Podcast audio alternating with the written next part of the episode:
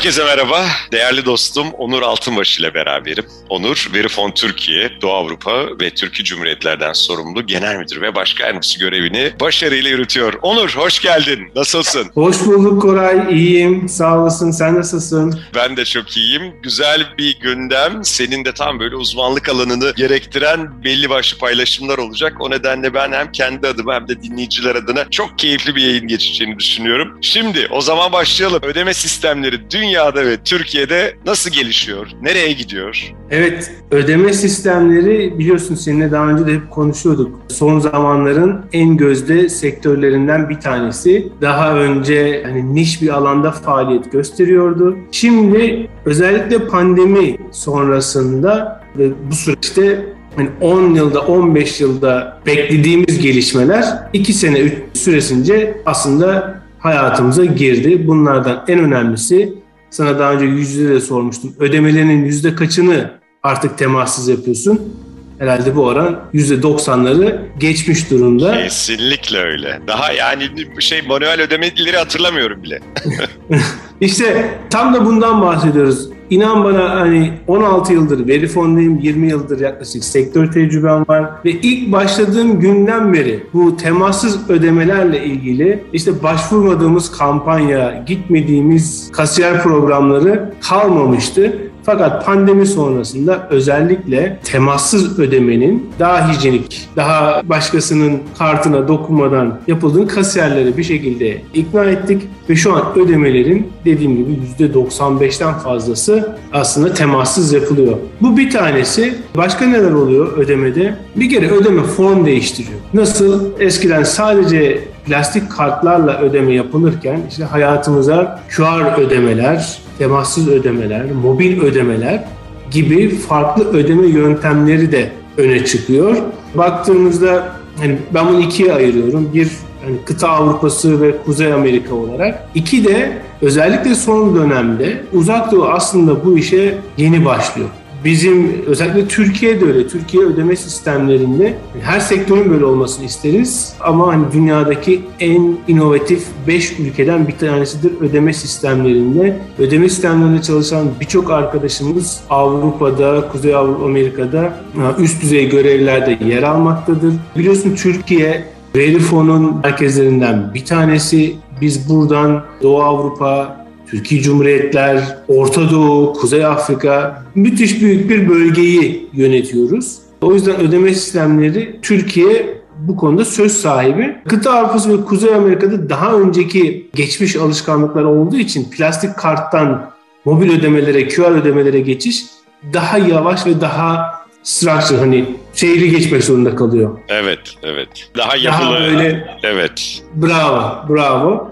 Fakat Uzak Doğu öyle değil. Uzak Doğu özellikle QR ödemede WeChat, Apple e, WeChat ve Alipay'in önderliğinde QR ödemeler çok popüler durumda. Yani siz artık pazardan patates alırken bile pazarcının boynundaki QR'ı okutup ödeme yapabiliyorsunuz. Yani ödeme sistemleri müthiş bir değişim içerisinde form değiştiriyor. Pandemi konuştuğumuz gibi birçok süreci öne çekti ve bu süreç durdurulabilir gibi gözükmüyor. Çünkü neden? insanları rahata, hıza ve kolaylığa alıştırıyor. Evet, evet. Şimdi seninle konuşmak istediğim diğer bence çok keyifli olacağını düşündüğüm bir konu. Fintechler. Bu konuda gerçekten çok fazla ben de kendimi geliştirmeye çalışıyorum. Fintechler bu işin neresinde yer alıyor? Fintechler aslında demin konuştuğumuz konuyla bağlantılı. Şimdi ödeme yön değiştirdikçe ve form değiştirdikçe başka oyunculara da ihtiyaç duyuluyor.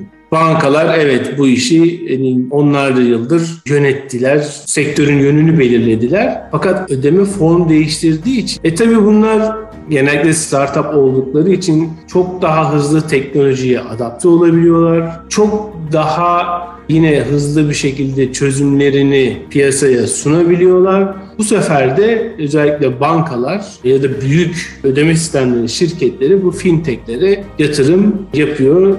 Herhalde son 5 yıldır en çok yatırım yapılan alanlardan bir tanesi fintechler.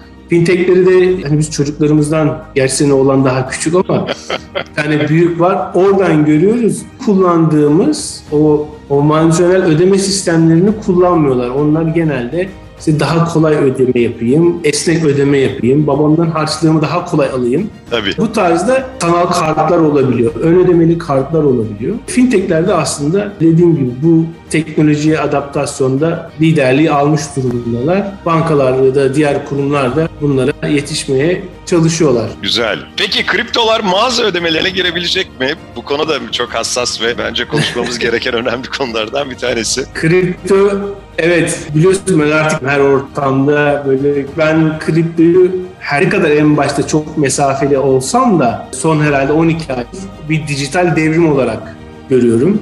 Çalıştığım şirketin de benle benzer görüşte ki Amerika'da BitPay adlı kripto platformuyla entegrasyon içerisinde. Şimdi genel anlamda bakarsak hani kripto Profesör Doktor Özgür Demirtaş hocamızın da bir lafı var. %95'i diyor belki de yok olacak. Ben de katılıyorum. Birçok yeni proje çıkmış fakat genel mantığına baktığımızda özellikle merkeziyetsiz yapılarda, merkeziyetsiz finans, merkeziyetsiz borsa ve merkeziyetsiz projelerde bence kriptonun değeri hani yavaş yavaş anlaşılıyor. Ya da ödeme yöntemi olarak henüz daha o aşamaya gelemedik. Reklam amaçlı diyor ki artık hamburgeri kripto paranızda alabileceksiniz ya da ne bileyim evet. alışverişlerde zamanı başladı diye. Bunların hani birçoğu aslında reklam amaçlı. Çünkü kripto ile bir ödeme yaptığınızda bu kripto işleminin bir maliyeti. Evet yeni platformlarda bu maliyeti düşürdüler ama atıyorum siz hani bir Ethereum ağında işlem yaptığınızda yoğun zamanlarda bir transaction'ın maliyeti 60 dolarlara 70 dolarlara çıkabiliyor. Ve bunu herhangi bir alışveriş işleminde kullanamazsınız. Çok maliyetli olacaktır. İki, zaman bir hesaptan bir hesaba geçmesi şu an yeni projeler var. Bunları milisaniyeler seviyesine düşürmüş durumdalar. Ama yine Ethereum ağından örnek vereceğim. Sizin yaptığınız bir işlem 15 dakikada, 20 dakikada gerçekleşebiliyor. Yani şu an siz onu kullanmamız günlük hayatımızda biraz zor gözüküyor. Fakat bomba gibi projeler geliyor.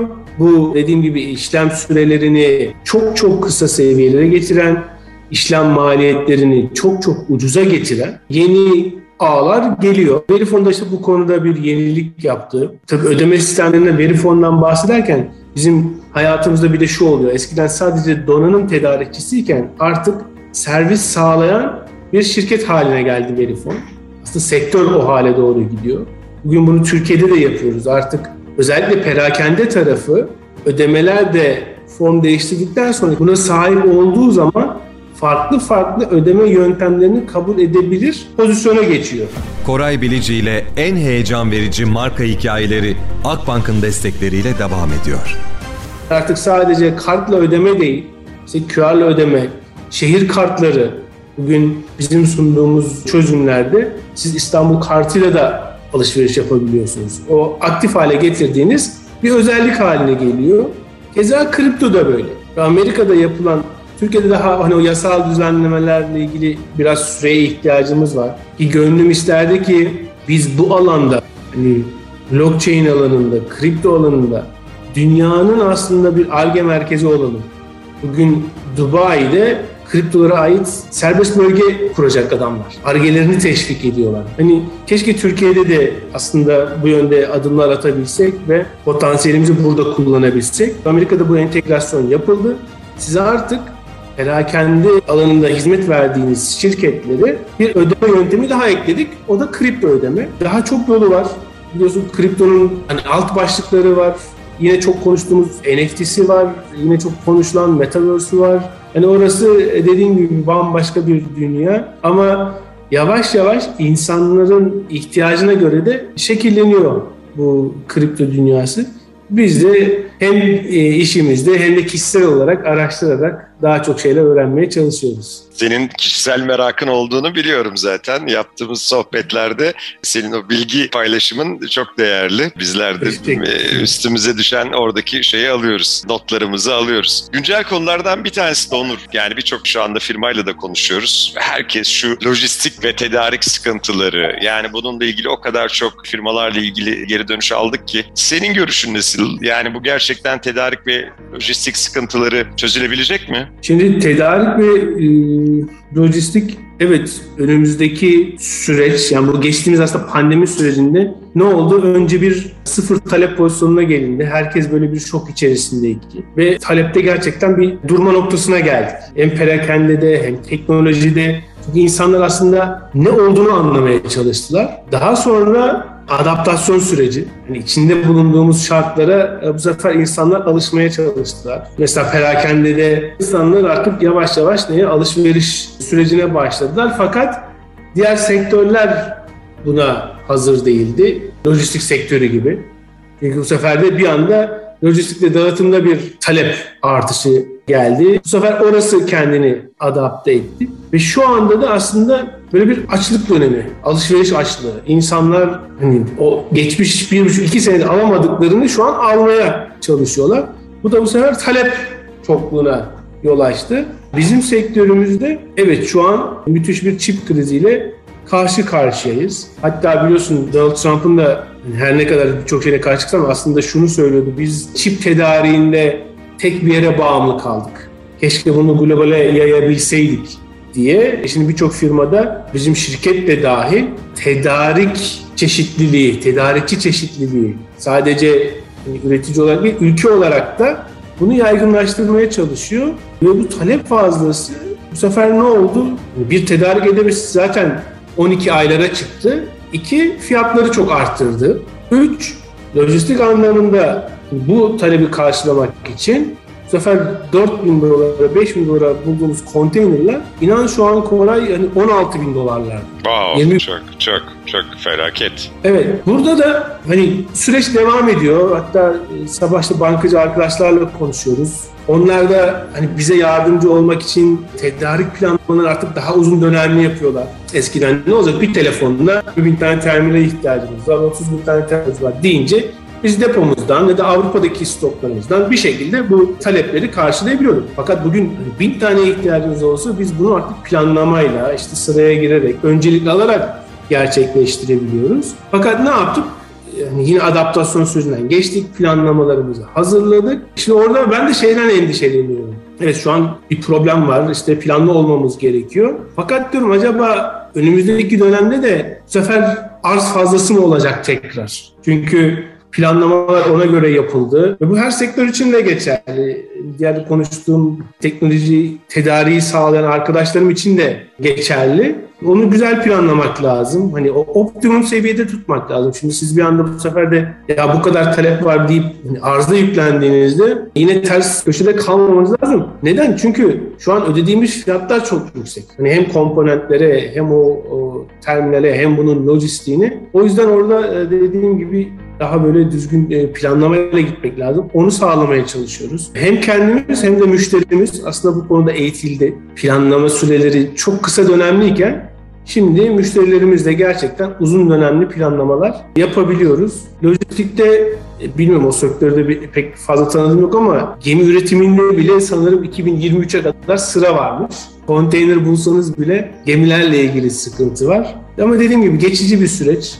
Bence şu an şey de geldi hani yılbaşı telaşı işte bir ara Çin yeni yılı, Noel dönemi, tatil dönemi o süreçte de talep fazlası vardı. Herhalde 2022'nin ikinci yarısında bu problemleri de aşmış oluruz.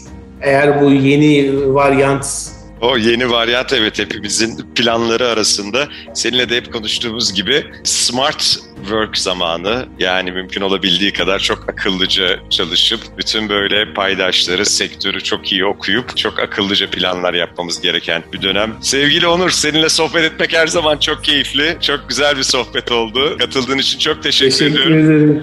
Sağ ol benim için de çok keyifliydi. Görüşmek üzere. Görüşürüz. Hoşçakal.